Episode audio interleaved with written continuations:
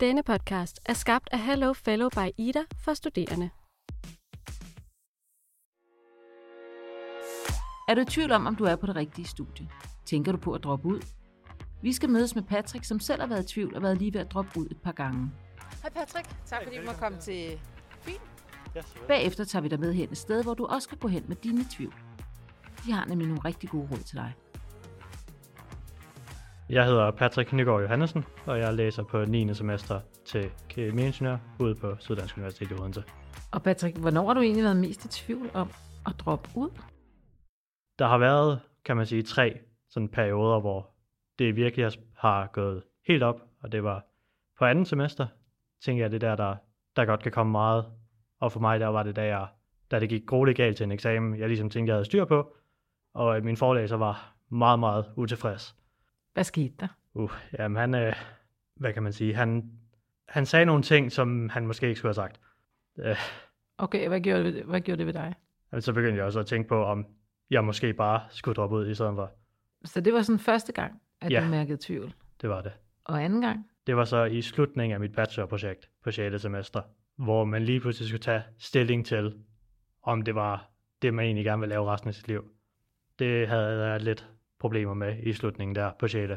Og så kan vi måske lige tage den tredje gang, mens vi er i gang. Det er jo så nu. Det er så nu. Øh, lidt specielle situationer, kan man så sige. Så, øh, og samtidig så har jeg også tænkt, nu har jeg set alle mine, øh, mine studiekammerater blive færdige, dem der stoppede med bacheloren, og gå ud få arbejde, og så sidder man sådan lidt og tænker, er det virkelig værd at læse to år mere på SU, når man i stedet for kunne komme ud og arbejde for, det, for penge i stedet? Altså, Men det vender vi lidt tilbage til, de der øh, overvejelser også med, med, i forhold til fremtiden. Men jeg vil egentlig godt sådan spole dig helt tilbage til, da du startede med at vælge studie. Hvorfor valgte du det her studie? ja, jamen altså, i gymnasiet kunne jeg godt lide kemi. Jeg kunne godt lide at lave praktisk arbejde, så jeg vidste, at mere over i den teoretiske deling skulle jeg i hvert fald ikke.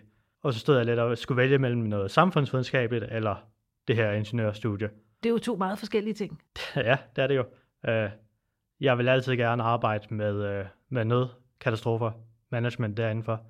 Der er høje karakterkrav, der er ikke så mange pladser, og det, øh, så skulle jeg også flytte til København, og det er lidt svært, når man kommer fra Jylland af. Så det her, det vandt jo så lige, og så vandt det selvfølgelig også, fordi pengene og arbejdsmulighederne er lige lidt bedre inden for ingeniørfagene, end de er i de fleste andre fag. Så du var måske mere motiveret af fremtidsudsigterne og noget kompromis, der øh, ender på Fyn, eller hvordan? Ja, jeg tror, det er helt ligesom spillet ind. Hvis jeg kunne have taget den samfundsvidenskabelige uddannelse i Odense, eller måske i Aarhus, så ville den nok have rangeret højere for mig. Men det var lidt en blanding af alle de forskellige ting, der stak ind, og så ligesom gjorde, at jeg endte med at vælge det her. Og skulle jo vælge en af tingene, kan man sige. Og når den her tvivl så kommer, hvad, hvad er det så, den kommer fra, tænker du? Jamen, den kommer jo fra, vil jeg måske have været gladere i det andet fag på det andet studie. Eller måske et helt tredje studie, kan man sige. Okay, så noget af din tvivl, den kommer fra selve studievalget. Er der også andre ting, som gør, som har skubbet lidt på den tvivl? Jamen altså, der er jo desværre, når man tager en uddannelse, vil der altid være fag, man ligesom ikke bryder sig om. For mig, der var det over i den biologiske del, det er ikke mig. Så der sad jeg og tænkte, vil jeg sidde med det her, hvis jeg bliver færdig og skal ud på en arbejdsplads og arbejde med det? Øh, og det besluttede jeg så, at det vil jeg ikke. Men der håber jeg så på bare at få arbejde et andet sted. Og samtidig så er der også, der vil altid være noget socialt måske, hvis man ikke lige får bundet sig til en gruppe og sidder og flyder lidt rundt. Det endte for mig, at jeg gik lidt rundt med alle de forskellige grupper og arbejdede i stedet for at have en fast gruppe. Og det kan selvfølgelig også gøre det noget sværere at ligesom få bånd til et studie. Og blive sådan rodfæstet i det. Hvordan kan det egentlig være, at du ikke så valgte at skifte fag, eller valgte at droppe ud? Hvad var det, der afholdt dig fra det? Jeg tror, at øh, når det ligesom kom op, så synes jeg, at jeg allerede havde brugt nok tid. Nu øh, jeg ventede en del år på at starte på gymnasiet, så jeg var ældre i gymnasiet, jeg har været ældre på universitetet. Og så tænkte jeg at droppe ud og skulle starte helt forfra. Det var, jeg kunne godt lide det, jeg lavede nogle gange. Så jeg håber på, at når jeg så kommer ud i, på arbejdspladsen, at jeg så får et arbejde i den del af feltet, jeg gerne vil.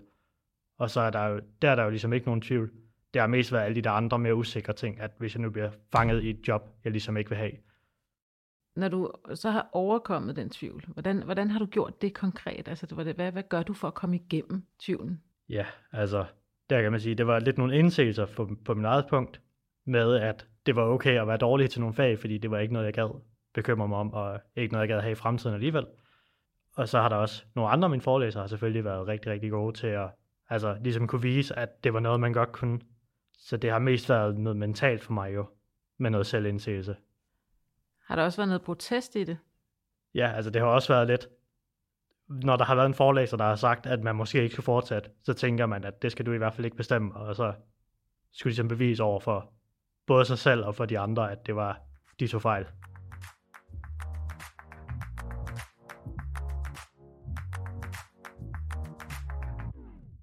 Er der forskel på den tvivl, du havde før og efter, at du tog bacheloren? Ja, altså før jeg blev færdig med min bachelor, var meget af tvivlen jo fokuseret på, om jeg havde valgt det, den rigtige uddannelse. Det var, der, det var der ikke så meget tvivl om efter min bachelor, fordi jeg kunne mærke, da jeg stod til, mit eksamen, til min bachelor-eksamen, øhm, øh, og kunne stå og snakke om de ting, jeg har lavet i evigheder, uden at, komme, uden at løbe tør for emner, så kunne jeg godt mærke, at det var noget, jeg rigtig godt kunne lide, det her at stå og snakke om mit projekt.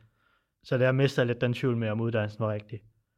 Og da jeg så, nu her kom til min kandidat, som jeg sagde, så er det jo mere fremtiden, jeg bliver i tvivl om. Om jeg kan få et job de rigtige arbejdspladser, om jeg kommer ind i de felter, jeg egentlig gerne vil arbejde i. Og nu bliver jeg selvfølgelig nysgerrig, hvad var det der projekt, du kunne snakke i timer og timer om? Uh, ja, altså mit, uh, mit bachelorprojekt var analyse af cannabisplanter. Interessant. Altså medicinske cannabisplanter, selvfølgelig. Så uh, hvordan analyserer man dem? Hvordan får du plantematerialerne ud af dem, så de kan analyseres? Og hvordan kan man ligesom gøre det her på en måde, der bliver godkendt medicinsk, og kan bruges til ligesom at fremstille bedre lægemidler. Så der, i det projekt, der var du topmotiveret og ikke til kund i tvivl? Ja.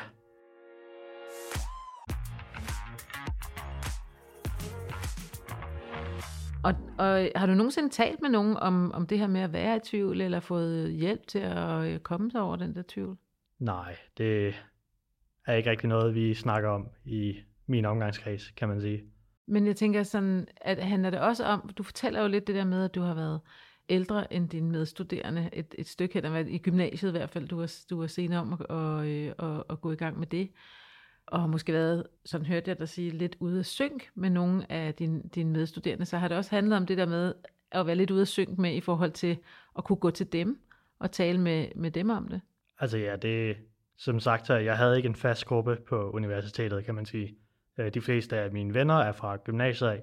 De få mennesker, jeg ligesom kom i seng med der. Så der har det heller ikke rigtig været, det var ikke nogen, jeg ligesom var tætte nok på til at kunne gå til og så sige, at man havde problemer. Hvis nu vi taler om det der med, at tvivlen eller om at droppe ud, den, ligesom, den, kan, den kan slukkes med noget mere motivation. Ikke? Hvad, hvad, hvad tror du, der kunne have givet dig sådan en mere kontinuerlig motivation gennem hele dit studieforløb? Altså jeg tror, at den store del var nok det sociale. At hvis jeg havde fundet en gruppe af, det kunne være så lidt som to, men to, to fem, ti mennesker, man ligesom kom rigtig godt ud af det sammen med, og havde et bånd til, så ville det jo også være meget nemt ligesom at motivere hinanden, kan man sige. Det tror jeg ville være den største del. Så selvfølgelig, jo, hvis man ikke havde de fag, man nu engang har, men det skal vi desværre lære, så Dem kan du ikke rigtig komme udenom, Nej. kan man sige. Men er der en måde, man kunne tilrettelægge øh, fagene på, som var mere motiverende? Er det sådan noget, du tænker på? Ja, altså for mig vil det jo være mere praktisk arbejde, mere, mere laboratoriearbejde for os. Men der tænker jeg, at så er der nogen, der, der elsker det teoretiske, så vil det så gå ud over dem. Så det vil være lidt svært at tilrettelægge det på andre måder. Så du, jeg hørte også sige lidt, at man bliver nødt til også ligesom bare at suck it up, Ja. altså at komme videre med det, eller hvad? Ja, man skal jo bare bestå de fag, man ikke gider arbejde med vid- videre hen. Så Hvordan taler man om det at droppe ud, og det at være i tvivl på dit studie? Jamen altså, da vi startede, så fik vi en øh, startspakke, kan man sige, hvor du bliver, hvor du bliver talt til af bibliotekarerne og alle de der forskellige enheder på øh, universitetet. Og der fik vi også at vide, at der er et relativt stort frafald på ingeniørfagene. Det jeg går ud fra, at der også er på de andre fag, men nu var det lige herude jo. Og øh, der fik vi at vide, så vidt jeg husker, at omkring en tredjedel vil der droppe ud, inden bacheloren var færdig. Hvilket også passer relativt godt på min studie, altså på min, mit studieår. Vi startede 108, og så vidt jeg husker, var vi omkring 60-70 stykker da vi, da, på 6. semester. Så det passer med, at cirka en tredjedel var droppet ud. Jeg tror, fra universitetets side, så har de indført restriktioner på, hvem der kan starte op. Jeg tror for dem af, så var det, at vi havde mange åbne pladser, der var ingen karaktergrav, så rigtig mange de startede det, fordi de ikke vidste, hvad de ville. Og det leder så selvfølgelig også til, at efter første semester er der rigtig mange, der finder ud af, at det er ikke det her, så dropper de ud. For mig, der har det ikke rigtig været noget, der er blevet snakket om mellem øh, de studerende, men det kan selvfølgelig være, at de har snakket indbyrdes, hvor i grupper, som jeg ligesom ikke har været en del af. Så det har ikke været det, der har betydet noget for din tvivl og motivation? Nej, at andre dropper ud, det påvirker mig ikke rigtigt.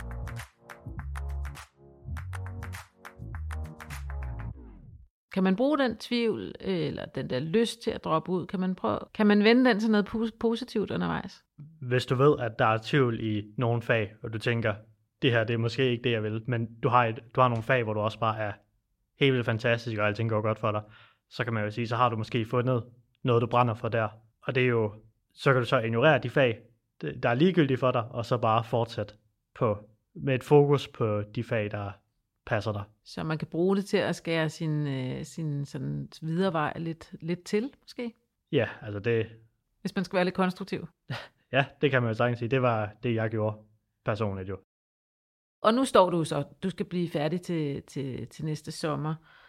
Hvordan ser det nu ud med tvivlen, og, og, og, og hvordan ser du egentlig på dit studieforløb sådan samlet set? Jeg tror, for mig, der har tvivlen skiftet sig lidt fra at være baseret på universitetet, til at være fremtidsbaseret. Nu sidder jeg i tvivl om, hvad jeg egentlig gerne vil i fremtiden. Specielt, hvad for nogle virksomheder jeg egentlig gerne vil arbejde for. Der er ikke så meget tvivl om at blive færdig med uddannelsen. Der tænker jeg, at nu er jeg gået igennem næsten, øh, hvad er det, det er næsten fire og et halvt år. Så øh, det, det, bliver, det gør jeg færdig. Det er der ikke nogen tvivl om. Men tror du, det bliver den, din sidste uddannelse? Altså, jeg har ikke tænkt mig at tage en ny bachelor. Det, Dog ikke. nej.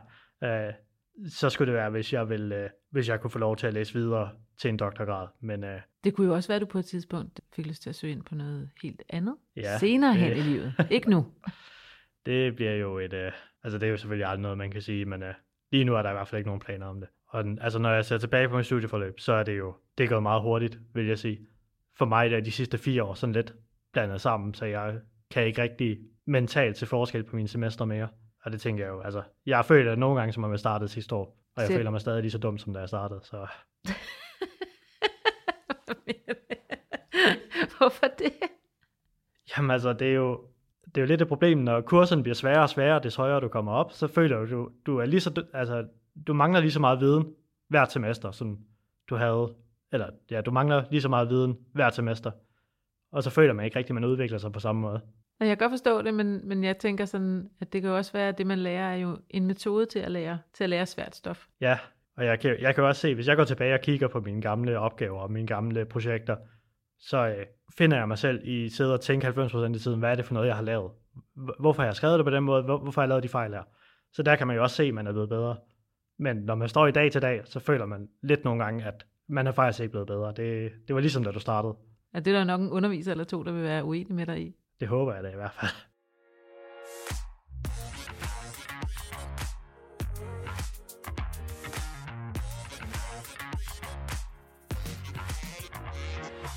Hvis du nu skulle sige til dit, dit yngre jeg, der er på vej ind på studiet, med det du ved nu om, hey, du bliver i tvivl undervejs, hvad vil du så sige? Ja, altså, jeg vil nok sige, det der med at gøre brug af en til at tale til, vil nok være, have været en god idé, kan jeg jo se, når jeg kigger bagud, og ser, at det har måske manglet. Så ja, studenterrådgivningen, der findes, eller hvis man kan opbygge et socialt bånd, det vil jeg nok have fokuseret lidt mere på, hvis jeg ikke havde tænkt, at det var bare en uddannelse, det var sådan set lige meget, jeg havde mine venner udenfor. Og ja, ellers så tror jeg egentlig bare, at jeg vil sige, at man, altså, jeg vil komme i tvivl, og det, det går over. De fag, jeg kommer i tvivl om, dem vil jeg ikke have interesse i senere hen alligevel. Og de forelæsere, jeg, der får mig til at komme i tvivl, de er lidt ligegyldige. Øh, Jeg, så jeg tror mere, det er sådan noget, jeg vil sige til mig selv, fordi det der med at vide i fremtiden, så bliver det bedre. Det, det vil nok have været det, der har hjulpet mig mest.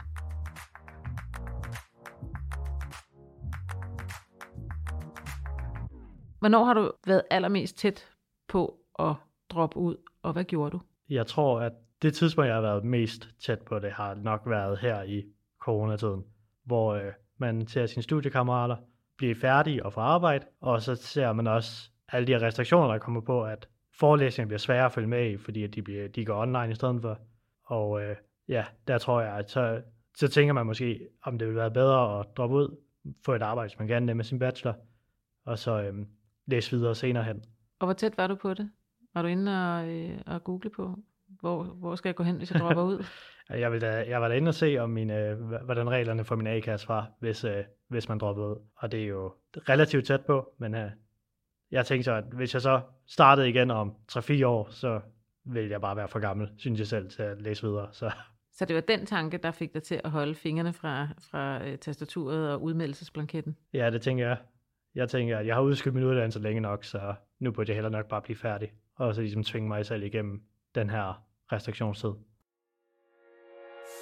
Det var Patricks historie om at være på nippet til at droppe ud. Nu tager vi ind til studenterrådgivningen, hvor du skal møde Freja Petersen. Hun er psykolog og har nogle rigtig gode råd til dig, der er i tvivl om, om du skal fortsætte på dit studie.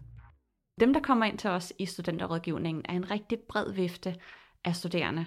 Nogle af dem tvivler bare en lille smule, og det er ikke noget, der tager særlig meget plads. De skal bare lige have vendt det.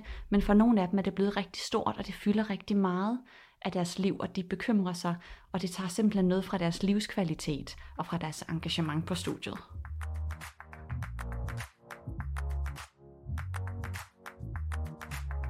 Det er jo sådan, at, øh, at forskning viser, at selvværd naturligt fluktuerer hen over ens liv.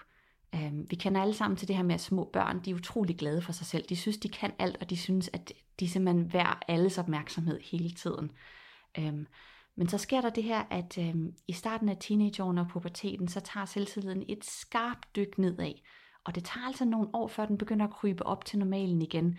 De fleste mennesker, når de er i starten af 20'erne, er først begyndt at få en lille smule forbedret selvværd. Og det bliver altså først rigtig godt, når man er i midten af 30'erne og op til 40'erne igen. Øhm, og det har jo noget at gøre med, at det er et noget øh, sådan ustabilt livsgrundlag, man har. Man har ikke 100% fastlagt sin identitet endnu, og hvis man ikke ved, hvem man er, så er det også svært at vide, om man er god nok eller ej. Så det er meget naturligt. De er jo meget forskellige, dem der kommer ind hos os i studenterrådgivningen. Øhm, og det er meget forskellige årsager til, at de kommer ind, og det er meget forskellige måder at håndtere det på. Den, det her med at tvivle omkring studiet. Så noget med ikke at føle sig god nok, og ikke at være sikker på, om jeg nu hører til herinde. Øh, man har sammenlignet sig med nogle af de andre studerende, og man er, finder simpelthen ikke, at det er fordelagtigt. Altså man synes simpelthen, at man er dummere, eller langsommere, eller mindre smart på en eller anden måde. Og så bliver man simpelthen i tvivl om, må jeg være her? Hører jeg til her? Er det okay, jeg er her? Og man bliver sådan ligesom mere og mere bange for det her idé om sådan en maskefald. Om at man skal blive afsløret. Øh, for man vil rigtig gerne være der. Men så er der også en anden type, som kommer ind til os og snakker med, sådan mere om, om tvivl. Og det er jo dem, som tænker, jeg synes egentlig, jeg er et okay menneske, men jeg er ikke sikker på, at det her studium er for mig. Det her format passer mig ikke, jeg bryder mig ikke om forelæsningerne, jeg synes indholdet måske er kedeligt, eller jeg synes det er svært, men det generer mig ikke sådan personligt. Det er ikke sådan, jeg tvivler på mig selv. Jeg vil nok skelne mellem som rådgiver sådan, tvivlen på mig, og så tvivlen på studiet.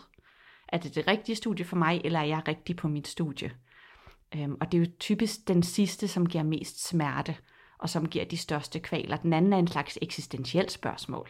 Har jeg truffet det rigtige livsvalg her? Er jeg på vej i den rigtige retning? Hvor det andet det er et spørgsmål om, er jeg et rigtigt menneske? Er jeg et godt nok menneske? Og det er jo et spørgsmål, som er rigtig, rigtig svært at afklare. Uanset hvor mange pro-con-lister man skriver til sig selv, er det jo rigtig svært at finde ud af. Så det er jo egentlig to ting, vi håndterer med studerende meget, meget forskelligt. Hvis de tænker, jeg ikke er god nok, og hvis de tænker, det er ikke det rigtige studie for mig.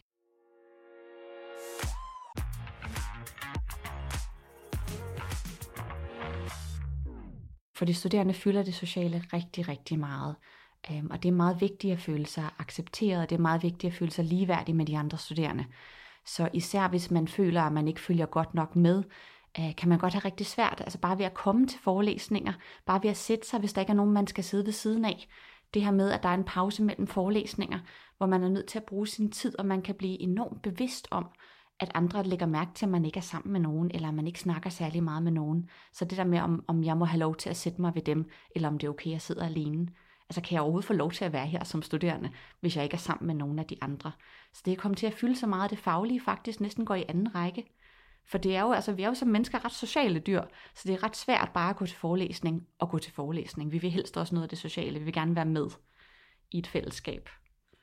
Altså med dem, hvor det handler om, om jeget, så skal man jo at, at finde ud af, hvorfor er det, jeg har så, så skidt med mig selv? Hvorfor er det, jeg ikke synes, jeg må være nogen steder? For typisk så er det jo så ikke kun studiet, det rammer ind på. Så er det rigtig mange ting, man ikke synes, man har lov til at være med til, eller er dygtig nok til, eller sjov nok til, eller smuk nok til så skal vi ind og snakke med folk, hvad er der, der ligger til grund for, at du har så lavt et selvværd. Øhm, hvor hvis det er mere en tvivl om det her studie, det er rigtigt for mig, så skal vi jo ind og snakke om større sådan eksistentielle livsvalg. Hvad er det, du vil med dit liv? Hvad er det, du har behov for, for at du er glad? Hvad er det gode liv for dig? Øhm, Og er det noget omkring øh, indholdet på studiet, eller er det formatet på studiet, der ikke passer til dig? Er det fordi, du har nogle svære fag lige det her semester? Er det fordi, du ikke har et godt sammenhold sammen med de andre studerende? Er det fordi, eksamen stresser dig enormt meget? Øhm, så vi bruger meget tid med de studerende i rådgivningen på at lytte til deres tvivl. Øh, for tit så er folk meget skamfulde om deres tvivl, men hvis man virkelig lytter til den og siger, hvad er det, der får dig til at tvivle, så kan der være rigtig meget god information derinde. Altså vores følelser, de skal jo dirigere os, de skal jo få os til at handle, sådan så vi får vores behov mødt. Så vi er simpelthen nødt til at lytte til den her tvivl. Især hvis den går rigtig ondt, så signalerer det, der er noget vigtigt på færre. Og så skal vi simpelthen have snakket om, hvad i alverden det er, der er så vigtigt, som på en eller anden måde er blevet truet for dig. Er det fordi, du altid gerne har været, vil være ingeniør, og nu tror du ikke, du kan blive det? Eller er det fordi, du egentlig ikke gad være ingeniør, men det var sådan noget, folk synes, du skulle? Og nu er du halvvejs, og så er det lidt pinligt at droppe ud. Øhm, tit så kommer vi ind på noget, som handler lidt om skamproblematikker. Om det her med, at hvis jeg dropper ud, så, så har jeg fejlet. Og så finder folk ud af, at jeg har fejlet, og så er jeg bag ved mine venner. Øhm, og alle de andre, de er der, hvor de skal være, og jeg er der ikke. Øhm, eller også så kan man blive ved og ved og ved på et, et studie, som man egentlig ikke synes, man har evnerne til, men hvor man simpelthen overpræsterer år efter år efter år. Og hvor man bliver bange for, jamen kan jeg overhovedet det job? Hvor længe skal jeg blive ved med at præstere på den her måde? Så folk kører sig selv rigtig, rigtig hårdt i rigtig lang tid, og der er det så værdifuldt lige at stoppe op og få en snak med nogen, som man godt stoler på, ikke vil dømme en for ens tvivl.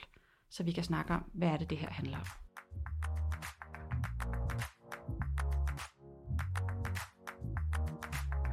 det er helt vildt svært at vide, hvornår man ligesom tvivler nok til, at man skal handle til det. Fordi det er jo normalt at tvivle, især på store livsvalg. Så noget med at vælge studie, eller blive gift, eller få børn, eller flytte til et andet land. Det er jo sådan noget, som det er ret naturligt at tvivle om. Øhm, så bare det, at man tvivler, er jo ikke altid et signal på, at det hele er galt. Det kan være et signal på, at noget er galt.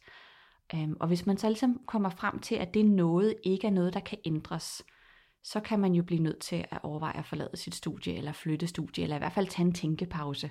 Nogle gange kan det være rigtig givet at komme væk fra studiet en periode og tage en overlov, hvor man laver noget andet, og ligesom får blik for, hvordan har jeg, når jeg ikke er inde på det her studie, hvor jeg har det rigtig skidt med mig selv, eller synes, jeg spilder min tid.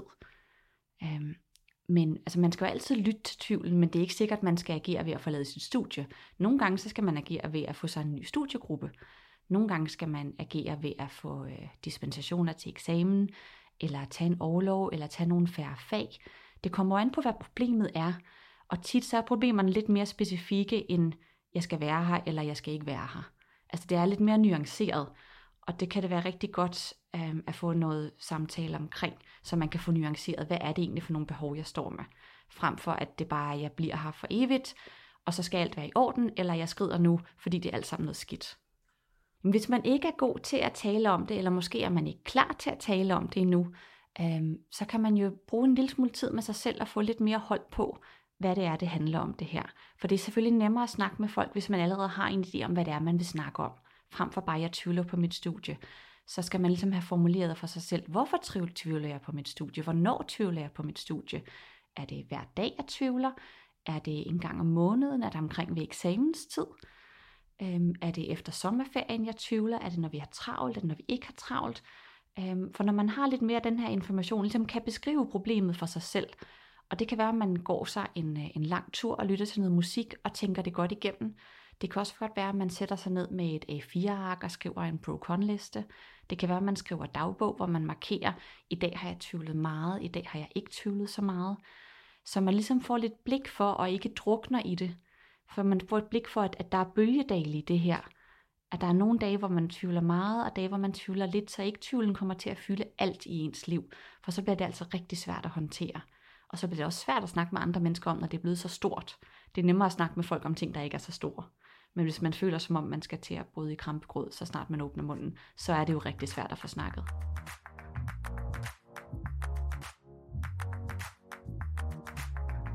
Når tvivlen kommer snigende, så synes jeg egentlig, man skal byde den velkommen og sige, hej tvivl, hvad har du at tilbyde i dag? Er der noget ny information her til mig, eller er det den samme gamle historie? For eksempel om, at jeg ikke er god nok til at være her.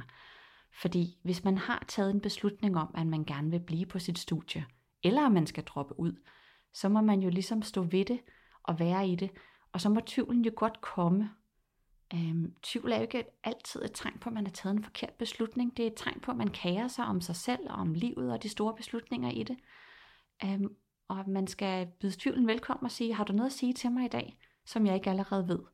Og hvis den ikke har, så må man ligesom godt betragte den lidt som sådan et bånd, der bare kører på repeat, den samme sang igen og igen. Siger, nå, det er dig igen.